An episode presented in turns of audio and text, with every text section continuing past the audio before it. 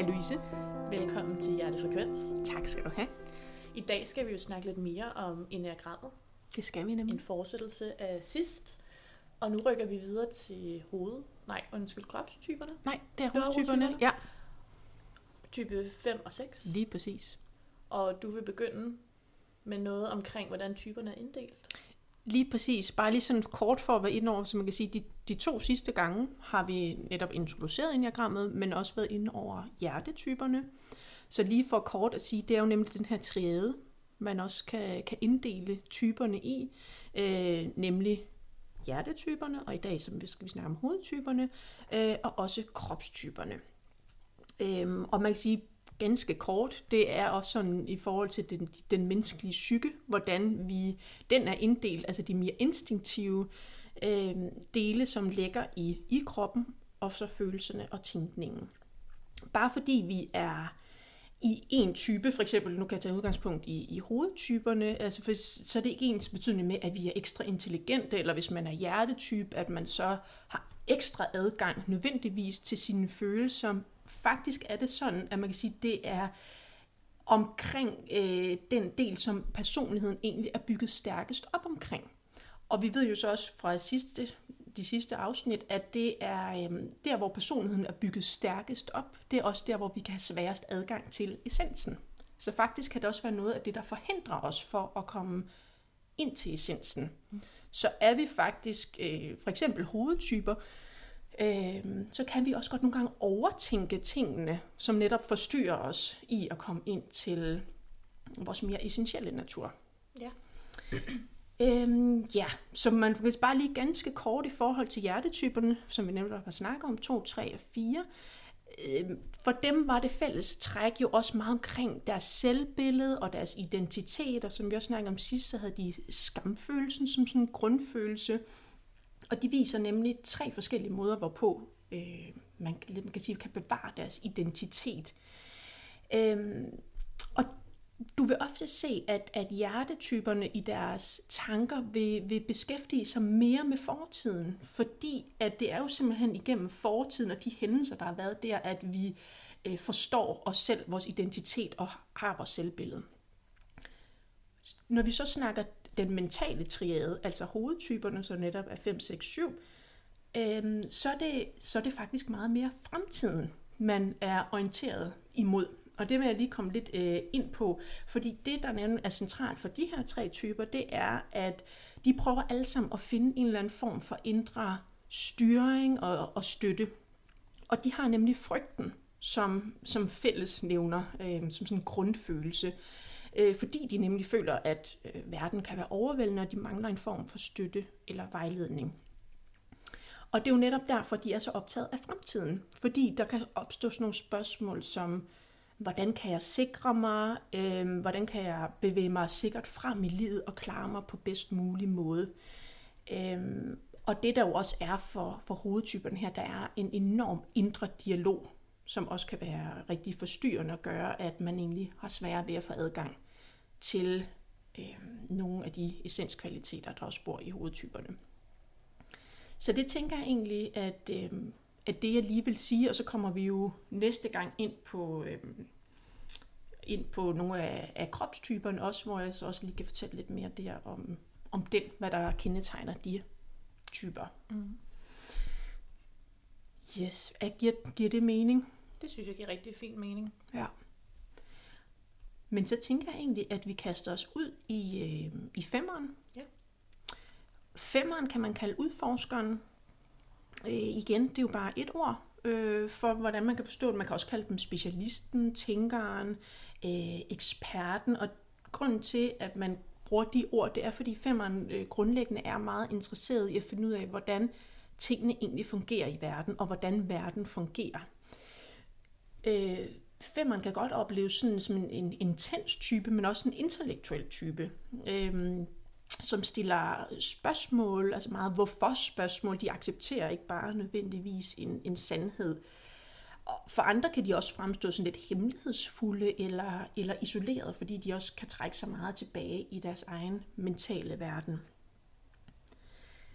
Det er ikke ualmindeligt, at man kan finde, at nogle femmer er øhm, rigtig dygtige inden for nogle særlige områder, for eksempel inden for et matematisk område, eller inden for et musikalsk område i en meget tidlig alder, eller for eksempel kan læ- lære at læse i en meget tidlig alder, hvor man kan se, at det, de fysiske aktiviteter ikke er der, hvor de har den største interesse. Altså sådan en fysisk udfoldelse. Det, som femmerne kan, kan døje med, det er der, hvor problemet ligger, eller sådan hos femmeren, det er, at de nogle gange har en eller anden overbevisning, bevidst eller ubevidst, om, at de ikke rigtig magter til, altså de ikke formår at gøre ting lige så godt i verden som andre. Så i stedet for at kaste sig ud i aktiviteterne og forsøge sig med dem, for eksempel fysiske aktiviteter eller sociale aktiviteter, og den vej igennem at opbygge en selvtillid, fordi, og fordi de får en erfaring med, det kan de godt, så trækker femmerne sig et skridt tilbage ind i deres egen øh, tanker, deres egen mentale verden. Og sådan med en, en, øh, en tanke om, jamen hvis jeg bare kan regne ud, hvordan jeg skal gøre, så vil jeg gøre det på et tidspunkt. Problemet er, at, at femmeren kan blive i den her forberedelsesfase for evigt, men de har hele sådan, jeg skal lige føle mig lidt mere klar, og så bliver de altså sådan i agtager øh, af verden, og sådan i overvejelserne mere, end de egentlig får handlet.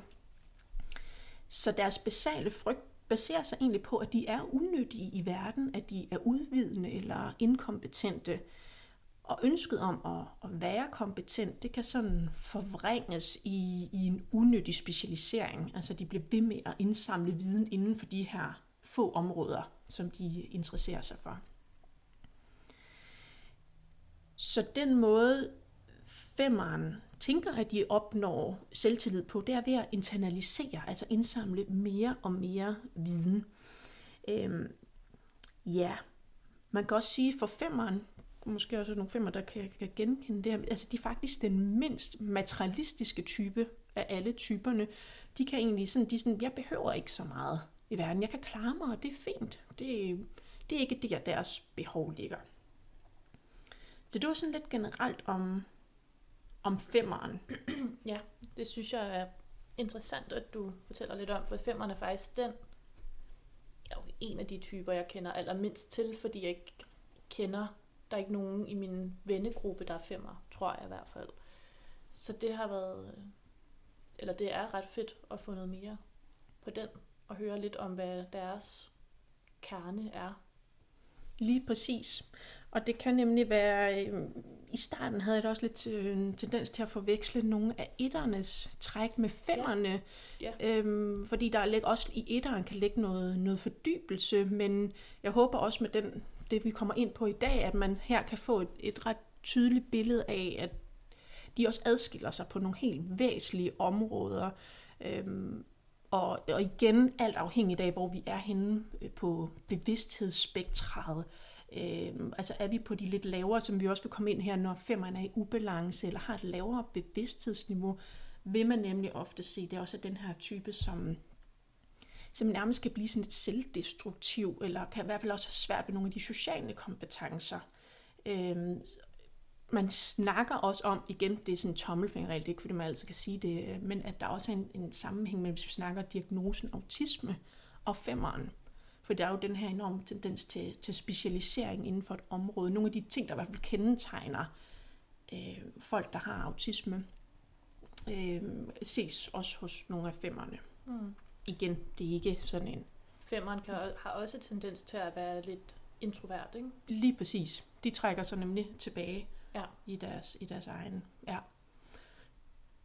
Ligesom fireren og nieren nemlig også har det. De er de mere tilbagetrukne typer. Ja. Ja. Jamen lad os gå videre med sådan, så nu går vi videre til det her med, når vi lever mere halve liv, når vi som femmer ikke formår at, øh, ja, at integrere vores essenskvaliteter, øh, som man kunne ønske. Så når, når femmeren bliver mere fixeret i personligheden, så er det, øh, at som jeg også nemlig sagde, at de nærmest kan skabe sådan lidt selvdestruktive problemer øh, for sig selv. Fordi i forsøget på at overkomme den usikkerhed, der kan bo i femmeren, så kan de blive ved med at indsamle viden. Men de deler den ikke med andre, fordi de nemlig har også den her tendens til at blive tilbagetrukken. Øhm, og konsekvensen er, at de så heller ikke formår at udvikle sådan nogle mere praktiske og sociale færdigheder. Som børn, så kan femmeren godt have følt sig sådan overvældet af forældrene. Og derfor gør det, at de, de har sådan den strategi, at de siger, så trækker jeg mig fysisk og emotionelt ind i mit eget rum. Og øh, herfra så begynder de så også at rykke sig mere og mere væk fra sådan følelsesmæssige behov hos sig selv og personlige behov og, og sådan mere hen i en mere, hvordan kan jeg gå objektiv til verden. Mm. Ud fra den her, hvordan kan jeg regne tingene ud, i stedet for at jeg skal engagere mit følelsesliv i det. Ja. Så det mønster, der bliver grundlagt i barndommen, det er, altså det er sådan en, om, altså, sådan, jeg beder ikke jer omverden, andre mennesker om særlig meget, hvis I heller ikke beder mig om noget. Fordi de egentlig på en eller anden måde føler sig lidt overvældet af krav, fordi de egentlig har en grundlæggende forestilling om, at de ikke mestrer det lige så godt som andre. Så det man også kan opleve hos nogle af de her øh, femmer øh, i ubalance, det er jo sådan, at de søger egentlig en uforstyrrethed og de, og, altså, og de kan virke, som om de egentlig ønsker uafhængighed, men egentlig ønsker de bare at være i fred, fordi her har femmeren mulighed for at opretholde strategien om, jeg bliver i min mentale verden, så jeg kan regne verden ud, øh, og det skal du ikke forstyrre mig i. Så det kan blive sådan en strategi, de har med sig. Ja. Og og det er jo netop det, der gør sig gældende for alle typerne i den mentale triade, det er, at der er sådan en tro på, at hvis jeg bare udvikler nogle strategier, så er jeg mere sikker i verden, fordi at følelsen, grundfølelsen er frygt. Ja. Mm. Det må være lidt hårdt at være en, eller det, for nogle femmer med ja. fire vinge, ja. må det være lidt hårdt, fordi firen jo også meget op i sit hoved, og ja. meget altså lever i sine tanker. Ja. Så, ja, jeg tænker bare, at det kan godt være en udfordring så. Helt klart, der har man den tilbagetrukne stil i både sin primærtype og i sin vinge. Ja. Ja, lige præcis. Og igen, så handler det jo altid meget om bevidsthedsnude, for der er også nogle utrolig smukke eksempler på den undertype der, øhm, som er utrolig øh, kreative og, og musikalske og kan udfolde nogle fantastiske øh, værker den ja. vej igennem. Ja, men helt klart, det, det kan også være en udfordring.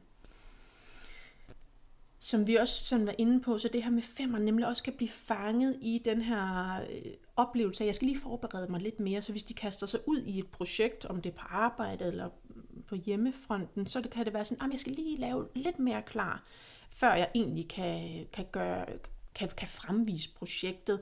Og den ubevidste overvisning, der kan ligge til grund for det, er egentlig, at de føler, at hele deres selvbillede også står og hviler på det, de viser i form af deres projekt. Så hvis de, de kan egentlig også være bange for som mennesker at blive afvist eller kasseret, hvis det, de fremviser, om det er et forskningsprojekt eller en opfindelse eller noget andet, er behæftet med fejl. Så derfor så bliver de egentlig ved med at sige, jeg forbereder, jeg forbereder mig.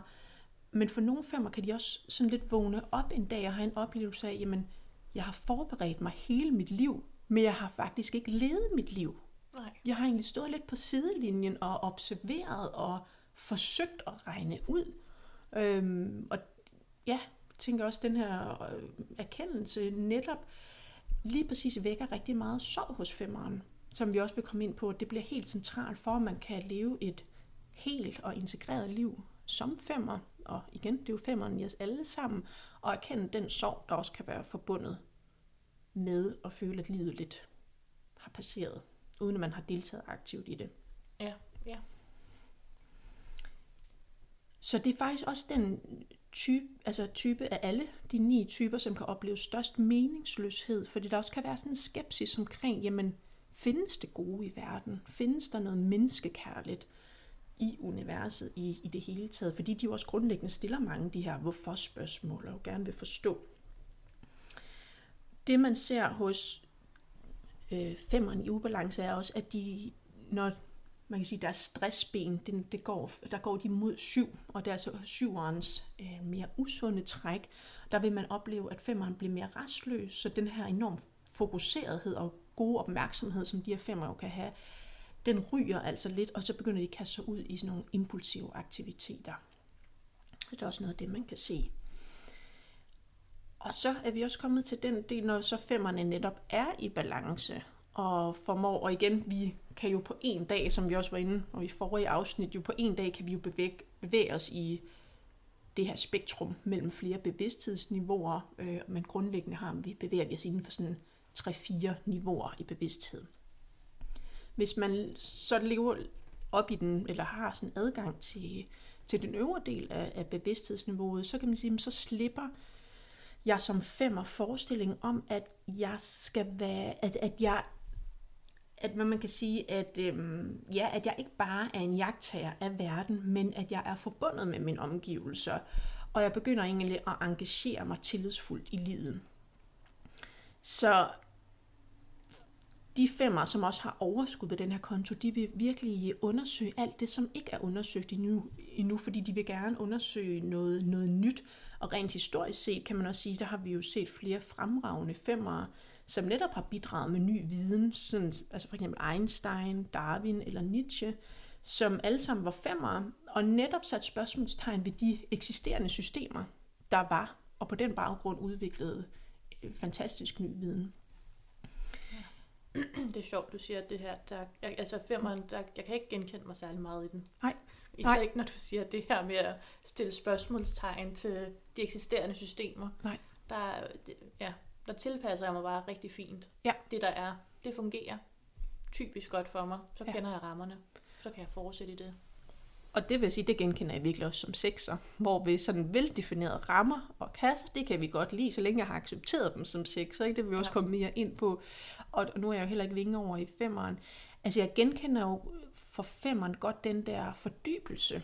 Altså nogle gange kan jeg blive grebet og sådan en vidensindsamling. Den del kan jeg godt genkende mig i i femmeren. Øh, og som hovedtype overtænkning, og jeg skal lige regne ud, før jeg gør Ja. ja. Den kan jeg også godt øh, genkende mig i. Ja, den del kan jeg også godt Ja. se noget i. Ja. Men meget af det andet, det er de der store spørgsmål.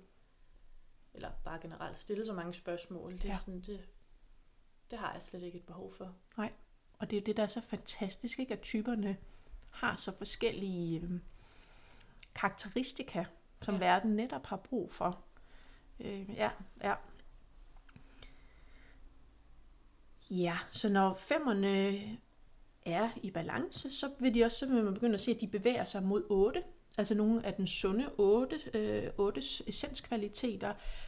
Og det, der sker, det er, at ligesom den sunde 8, så vil de egentlig begynde at udfylde man kan sige, deres fysiske tilstedeværelse. De begynder altså at indtage deres krop.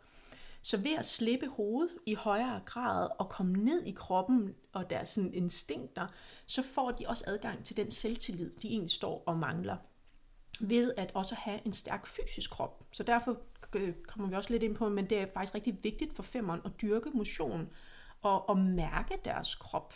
For at, det bliver sådan, man kan sige, en modvægt til deres meget stærke øh, tænkning. Mm. Det giver god mening. Ja. Øh, så man kan sige, ja, fordi det jo netop er igennem kroppen, at vi sanser. Og, og det er jo her, så, så det er derigennem, at femmeren også kommer i kontakt med den vitalitet, de, de mærker, og den kropslighed jo, der selvfølgelig er. Øh, og her er det så også, at femmeren vil kunne mærke, for det er jo også i kroppen, følelserne bor. Øh, så det er også her, at femmeren vil kunne komme i kontakt med noget af den sorg, undertrykte sorg, der også kan være. Men når de formår at tillade den, og stadig fylde deres krop ud og ikke trække sig tilbage, så må, formår de også at bryde den her isolerethed, der kan have været for verden. Ja, så det her med grundlæggende, så begynder femmeren at bevæge sig fra, at jeg skal regne tingene ud, til at begynde at leve livet. Det er sådan det, der, når femmeren er i balance. Så hvad er gode opmærksomheder øhm, for femmeren i os alle sammen, og, og, og femmerne derude, når vi sådan skal integrere øh, vores essenskvaliteter? Jamen det er særligt at blive opmærksom på, hvornår femmeren trækker sig ind i sin mentale verden. Og som modsvar hertil, som jeg også sagde, komme til stede i kroppen. Det kan både være ved at forbinde sig med sanserne, altså helt konkret ude og gå en tur. Hvad er det for nogle lyde, jeg kan høre? Er der fuglefløjt? Øhm, ja, forskellige sanser, men også igennem åndedrættet og kontakte åndedrættet løbende. Som jeg også lige sagde før, motion og fysisk bevægelse er helt afgørende.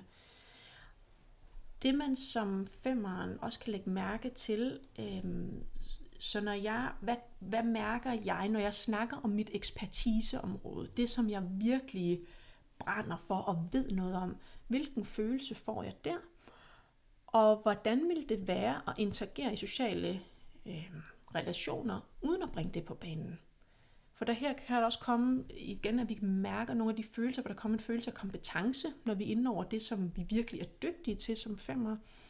Men kan jeg også godt være i verden uden at skulle fremstå kompetent. Øhm, det kan også være en et øveområde. Mm.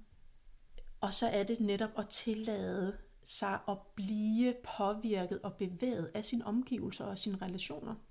For, for ikke at lukke dem ude, for det er jo det, strategien kan gå på, for netop ikke at mærke frygten og manglen på, at man er kompetent som femmer. Så, så ved at tillade, at andre påvirker dig, og ved at tillade at mærke sorgen, vil femmeren også begynde at opbygge større selvtillid og velvære i verden. Så det var lidt om femmeren.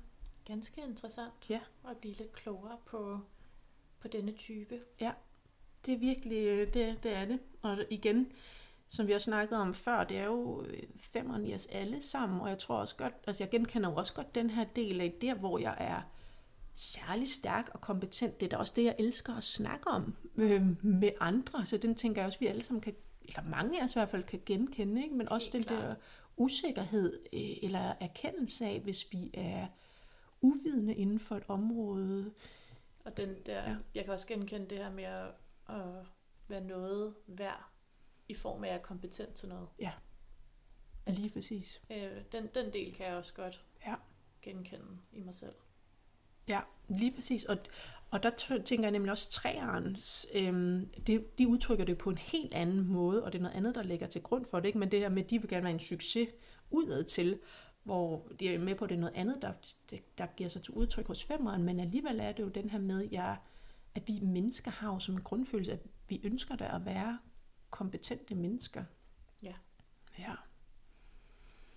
Interessant. Meget. Øhm, så er vi simpelthen kommet til type 6, ja. som er sådan midtertypen inde i den mentale triade. Og din type? Lige præcis. Det er nemlig min type, loyalisten.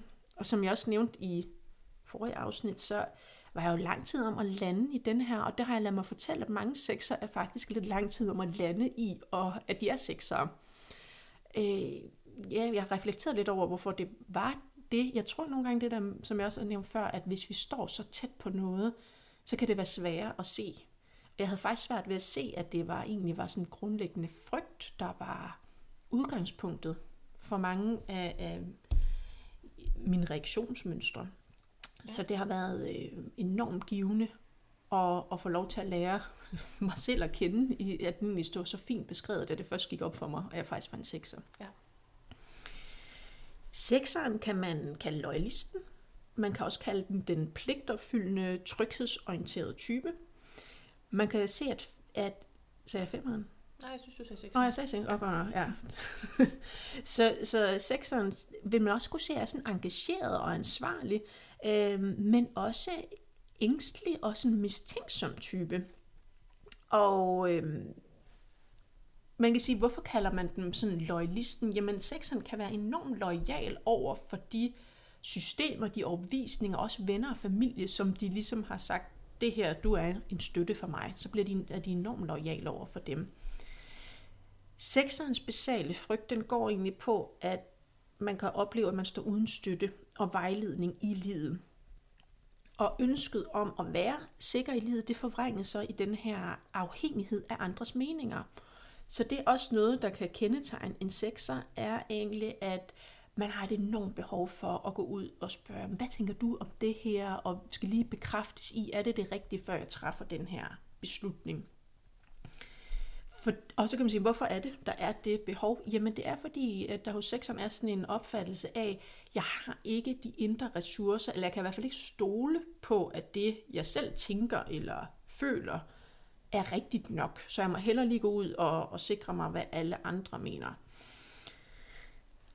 Så det sekseren også rigtig gerne vil, det er at lave nogle sikre systemer, som sådan nogle strukturer, eller have nogle allierede i form af venner eller familie, så de ligesom ved, at jeg, jeg har bare et eller andet at stå på i livet, så jeg, så jeg er mere sikker.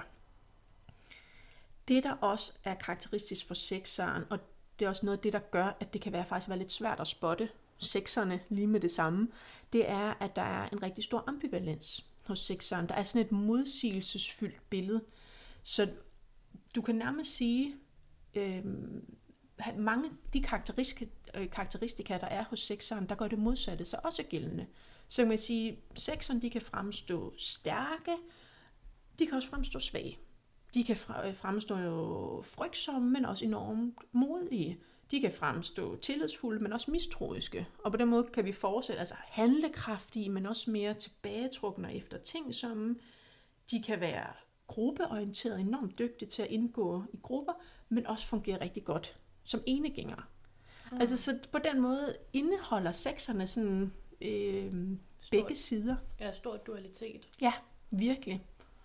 Og øh, som en, en, der er en sekser, også det kan også være enormt forvirrende faktisk at stå i af, af flere årsager. Ikke? At det der med, at vi egentlig godt vil have nogle faste rammer, at forstå noget, og også forstå os selv ud fra, ikke? men at vi netop rummer den her enorme dualitet, som du siger. Ja. Ja. Ja, og det er jo lige præcis, øh, ja, det man kan sige om sexen, det er, at der er en, en længsel efter at blive accepteret og opleve, opleve nærhed.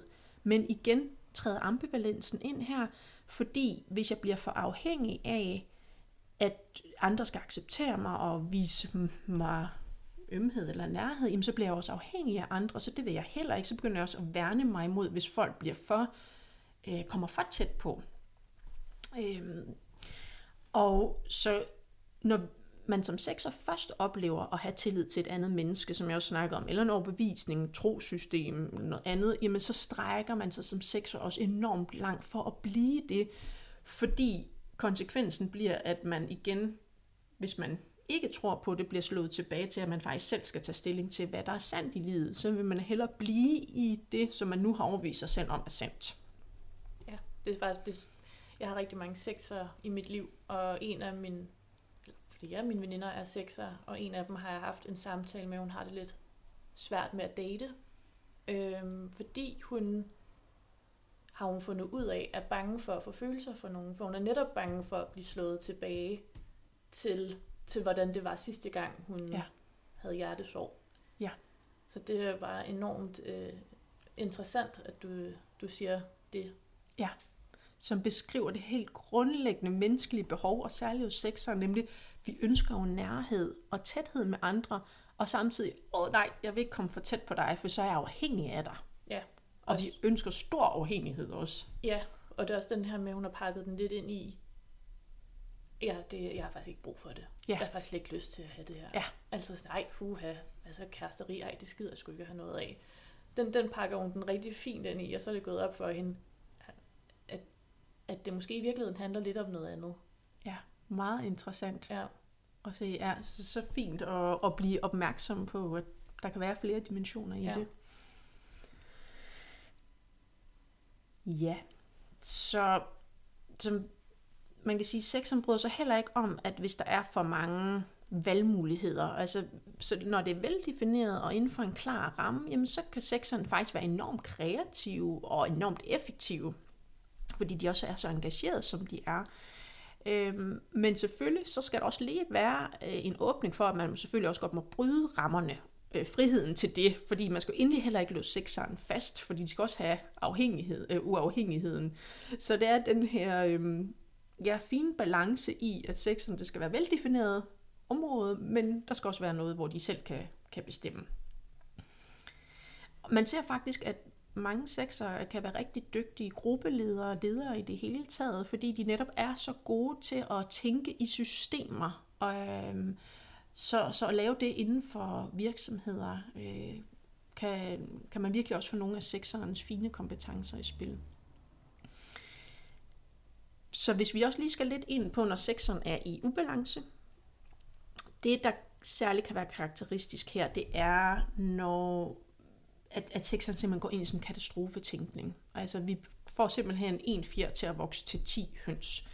Og jeg har faktisk et eksempel fra mit eget liv, hvor jeg fik grebet mig selv i sådan en, bare lige for at vise, hvor ekstremt det egentlig kan blive. Øhm, og jeg var ude at løbe en tur for, ja, det ved jeg ikke, det er lidt tid siden nu, fordi nu er jeg jo højgravid.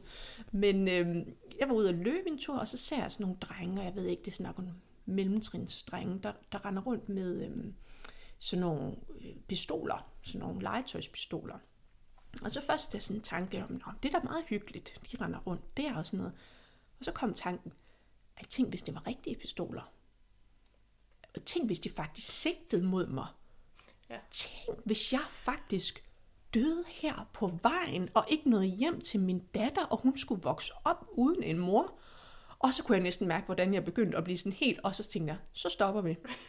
altså, altså det er bare det her eksempel på, og jeg kan jo gribe det der, og så lige sådan begynde at grine af det, men det der med at opdage egentlig, hvor hurtigt det kan eskalere ja. fra noget fuldstændig harmløst. harmløst til at faktisk at vække den frygt ja. i mig selv øhm, er bare et eksempel på netop, hvordan sexeren kan eskalere meget, meget hurtigt. Øhm, ja, så man kan sige, at sexeren de er også eminente til at forudsige, hvad der kan gå galt i en situation. Og spørger du for eksempel en sex om, hvad, hvad tænker du om det her projekt? Jamen, så kan du også være sikker på, at de kan oprise alle grunde til, hvorfor det projekt ikke kan løses. Og det kan jo godt for andre fremstå sådan en smule pessimistisk, og det kan det også, hvis man bliver låst fast. Det har jeg også oplevet selv. Altså hvis, hvis det er det eneste, vi så ser, så personligt selv har jeg haft så god gavn af hele tiden at sige loven om dualitet og det her med, der, der er også altid, når der er et problem, så er der også altid en løsning. Så begynd at træne mit sind i at se løsninger og muligheder har været rigtig, rigtig givende for mig som sekser. Som vi netop også var inde på, så er hovedtyperne koncentrerer sig rigtig meget om fremtiden, og det ser man også rigtig meget hos sekseren. De kan bekymre sig enormt meget om fremtiden. Hvor skal, hvordan skal det gå? Altså, jeg kan jo ikke, jeg kan ikke stole på verden, og jeg kan heller ikke stole på mig selv, fordi jeg stoler ikke på mine egne ressourcer, kan der være sådan en ubevidst overbevisning om. Så hvordan skal det overhovedet gå? Og det, så man prøver også sådan lidt at, øh, at sikre sig imod tab øh, og, og sikkerhed i det hele taget. Øh, så, så i stedet for egentlig at begynde at fokusere på, at vi er med på her, det er jo, når sexerne er mere i ubalance, i stedet for at fokusere på, hvad er det for nogle drømme, hvad ønsker jeg med livet, men så går det egentlig mere ud på at sikre sig i livet. Kan Et lille eren, der samler sit forråd sammen. Lige præcis.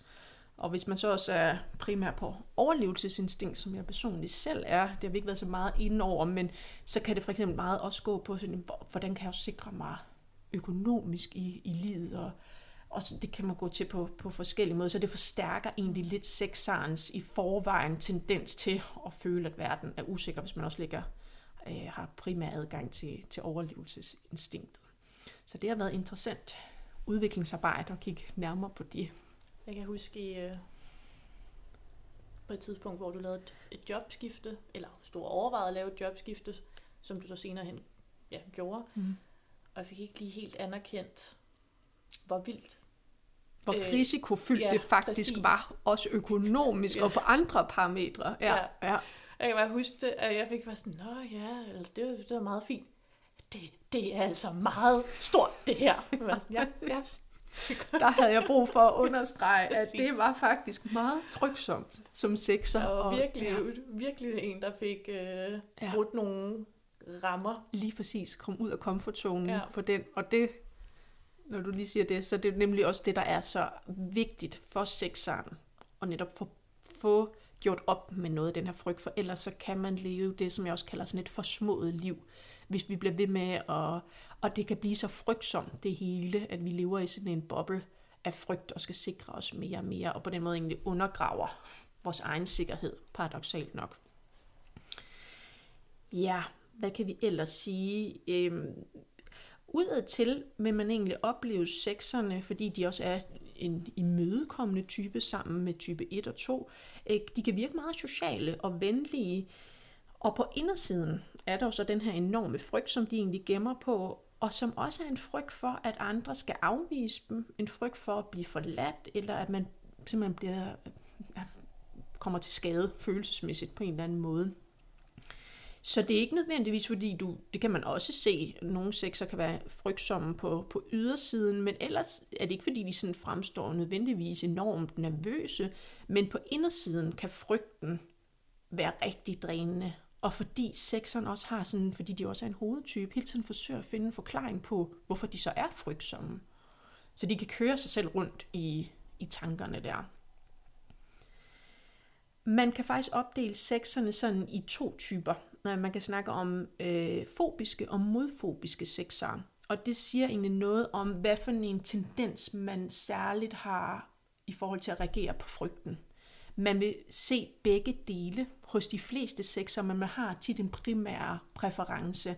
Så man kan sige, at hos de fobiske sekser, der har man lært at håndtere frygten ved, jeg skal undgå så mange problemer som overhovedet muligt, og jeg bliver ekstra samarbejdsvillig og venlig over for andre, fordi så kan det være, at de ikke forlader mig. Eller sådan. Der ligger sådan en overbevisning, hvor den modfobiske sekser, der kan vi se, at de stiller sig meget mere i opposition, og de viser sådan en mere hårdfør og barsk side, så de faktisk konfronterer. Når de mærker frygten, så går de sådan kontra på den.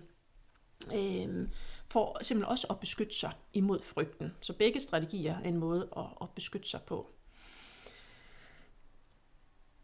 Ja, hvad kan vi ellers sige? Man kan sige, det der også er lidt interessant, altså etteren har vi ikke snakket om endnu, men hos en etter, der snakker vi om, at de har en enorm stærk indre selvkritiker. Hos sekseren, der snakker man om, at de har en indre komité. Altså de har sådan en hel række af mennesker, ja. som de, nu siger jeg i gåsøjne, spørger til råds. Så hvis jeg skal træffe en, en vigtig beslutning, for eksempel jobskifte, hvad, så kan jeg tænke, hvad, hvad må min søster vil sige til det her? Hvad må min mand vil sige til det her? Hvad, hvad vil den og den og den? Øh, så, så igen, det er fordi, man ikke har en tro på sin egen indre øh, styring eller ressourcer. Øh, så, så hvad, og det, det, der er problemet, det er jo simpelthen, hvis man får de her modsatrettede svar, så kan det stille sekseren i sådan en enormt øh, fanget situation, der gør, at de ikke rigtig får taget en konklusion, ikke rigtig får taget en beslutning. Så man kan også se den her ubeslutsomhed hos sekserne ofte. Og det er egentlig det, der er lidt sjovt, det er, at jo nogle gange kan sexerne godt, jo større spørgsmål, øhm, jo nemmere er det nogle gange faktisk at mærke, at det er det her, de skal. Hvis det er sådan nogle lidt større. Men de sådan mindre spørgsmål i livet, hvad skal jeg have at spise i aften, der, så altså kan de gå helt øh, også i baglås. Så det er nogle gange nede i de der lidt mindre, man kan opleve ubeslutsomheden.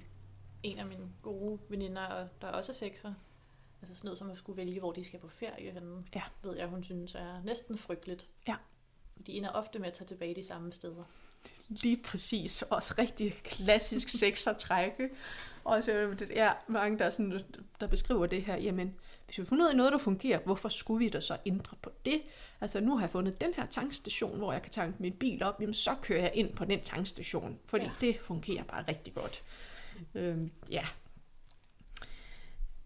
og det man kan sige, det, den her enorme indre dialog, den kan jo være rigtig drænende. Øhm, og den gør jo også, at der er sådan en konstant knævren, som gør, at der ikke er stille hos sekseren. Og det er faktisk noget af det vigtigste for, at sekseren kan komme i kontakt med sin essens. Det er stillhed for at kunne mærke den indre guidance, der bor i sekseren.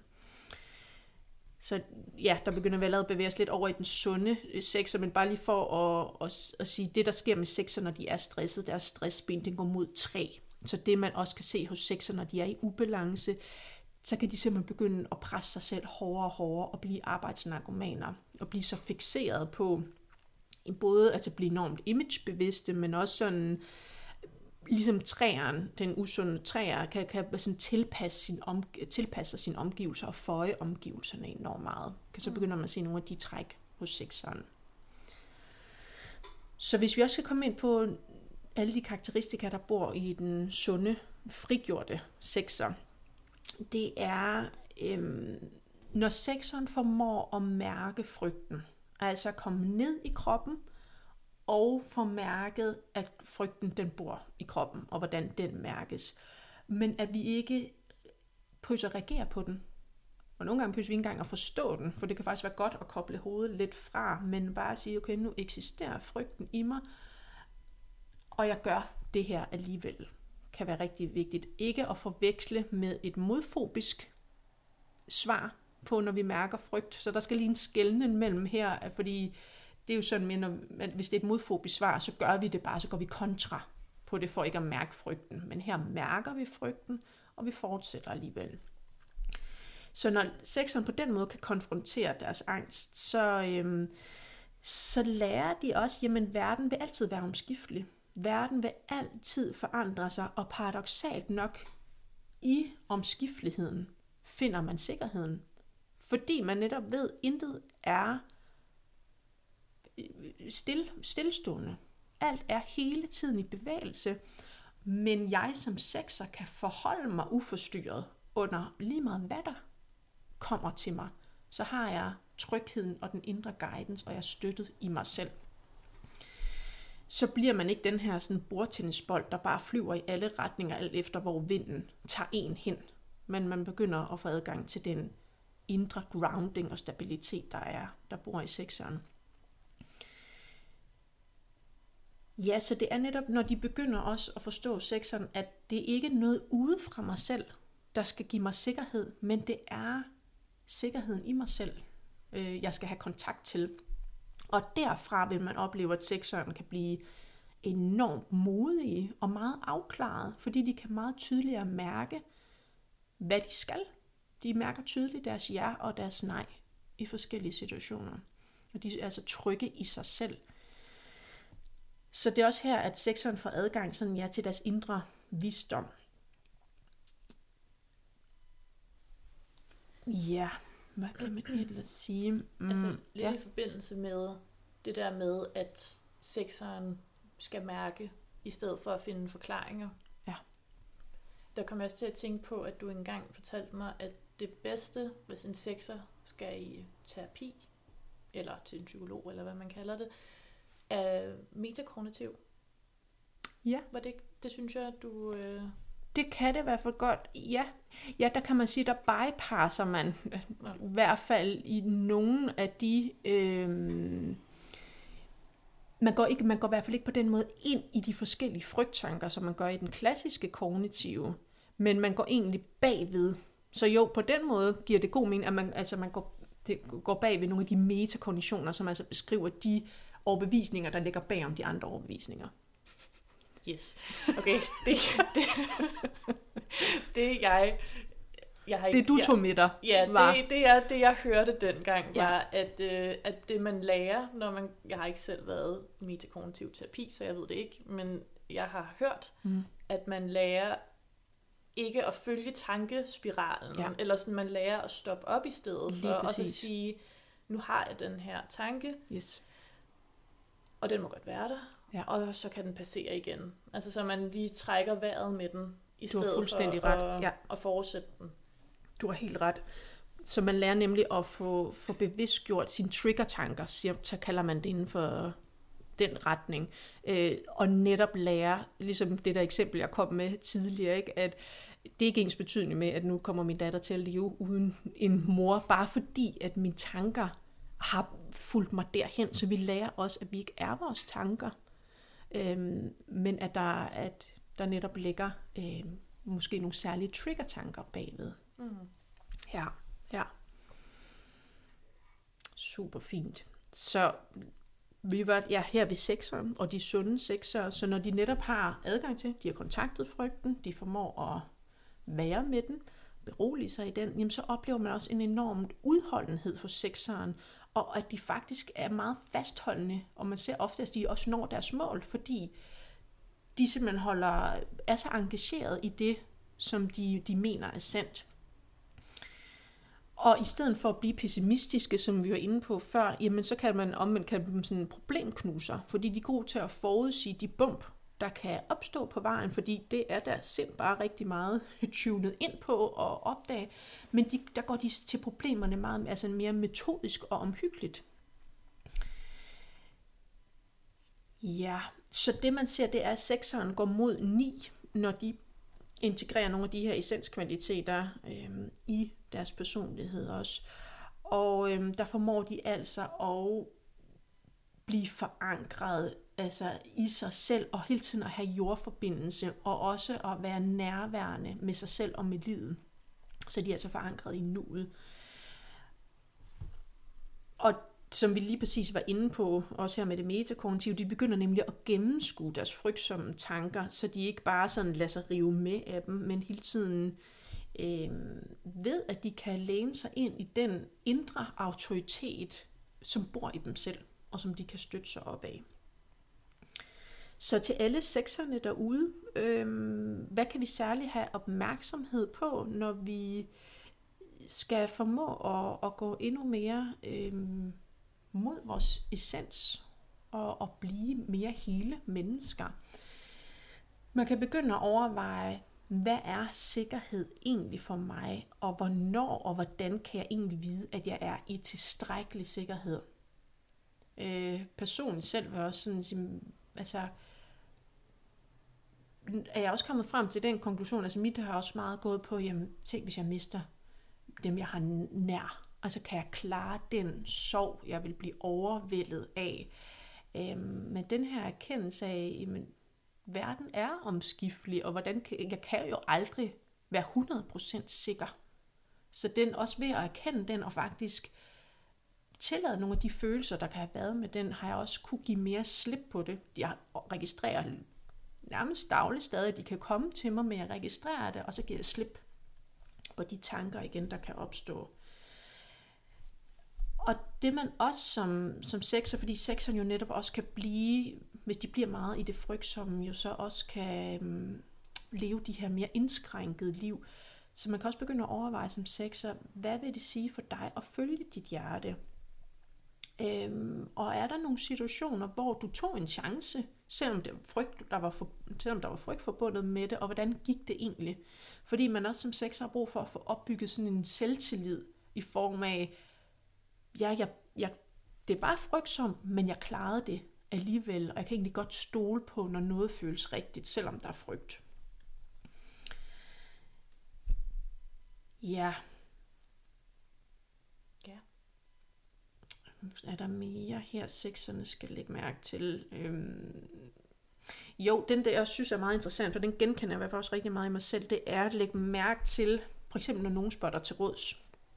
Hvordan, hvem refererer du til?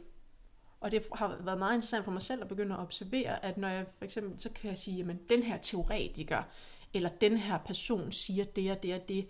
Igen, så lægger vi jo, på den måde siger vi jo også, jamen, det ligger ude for mig, for jeg er tydeligvis ikke kompetent nok til selv at komme med den, men egentlig at hive, også hive den hjem og sige, jeg ud fra min erfaring, eller ud fra min visdom, så er det det her. Så egentlig at hive den hjem, i stedet mm. for at give crediten til alle andre.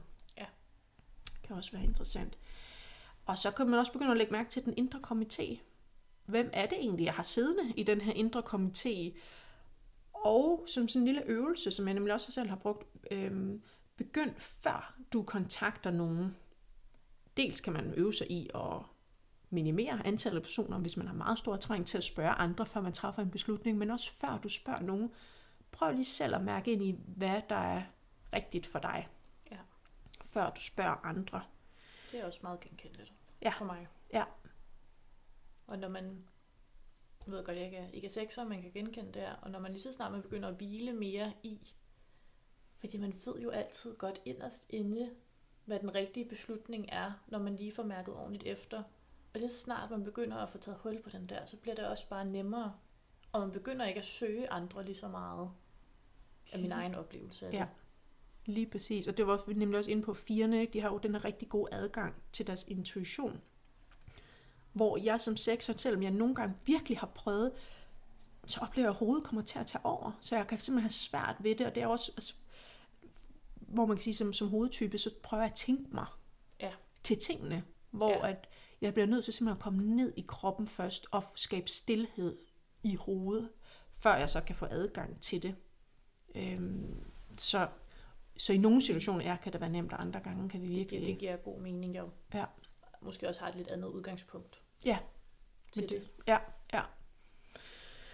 Så for sekseren kan altså faste meditationspraksiser, det var jo også inde på i forhold til træeren, men, altså, men her er det særligt vigtigt, øh, at man inddrager kroppen, for simpelthen at få den her grounded fornemmelse. Så for eksempel kropsscanninger kan være så godt, fordi det guider fuldstændig hen på kroppen og væk fra sindet, der simpelthen knæver derudad. Og også at opholde sig i naturen kan også have en meget groundende effekt på os alle sammen, men også særligt sexer. Ja. Så det var lidt om, øh, om sexerne.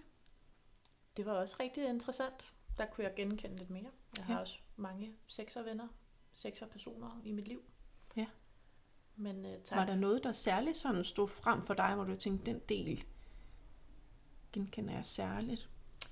Altså, nu ved jeg også godt, det er ikke kun for sexer, men det er for alle typerne. For, altså, det kommer jo til udtryk så forskelligt for person til person, hvordan de har en eller anden frygt, hvordan de forbereder sig og gerne vil komme i forkøbet på de her ting. Øhm, nu er det ikke sikkert, at du spurgte ind til det, men til hvordan jeg genkendte det i mig selv. Men det er bare, det, det kommer virkelig til udtryk forskelligt, synes jeg, hos, hos alle. Altså det, er en- det er en ny ting for hver person, de bekymrer sig om, eller sådan med deres hovedfrygt, eller hvad man skal sige. Helt klart. Så, og det tror jeg er en central pointe, det her med at sige, at vi alle er jo fuldstændig unikke, kvæg deres unikke opvækst og den kultur, vi er vokset op i. Ikke? Så, så det her med også at være, altid være nysgerrig på, hvordan oplever personen det selv. Så vi ikke går rundt der og siger, du er den type, du er den type. Ikke? Så, øhm, og nemlig det, så, så to sekser kan også øh, fremstå fuldstændig forskellige, for det gør noget forskelligt, der optager, optager dem. Ja. Ja. Men den her frygt-ting, den kan jeg altså genkende også i mig selv. At det sådan, altså kan bo sådan helt blusende i kroppen. Ja. På en eller anden måde. Og kan blive sådan helt grebet af den. Ja. Men ja, frygt er jo også en, altså en, en basal følelse, så den tænker jo alle Præcis. typerne kender i en eller anden grad. Lige præcis. Gør vi nemlig. Det er jo en helt almindelig menneskelig følelse, Ja. vi har med os. Ja. Ja. Ja. Det Er tænker der- jeg simpelthen var det for, Ja. for den her gang. Så vil jeg sige mange tak for gennemgangen af type 5 og type 6. Jamen selv tak. Det Og gør os alle sammen lidt klogere på dem. Lige præcis. Næste gang, der vil vi fortsætte Ja. med type øh, 7. og 8. Ja, så vi bevæger os, vi tager lige øh, type 7 færdig her for hovedtyperne, og så tager vi type 8 med fra, øh, fra kropstyperne. Spændende. Ja. Jamen, tak for nu. Selv tak. Vi snakkes ved. Eller vi lyttes ved. Det gør vi nemlig. Hej. Hej.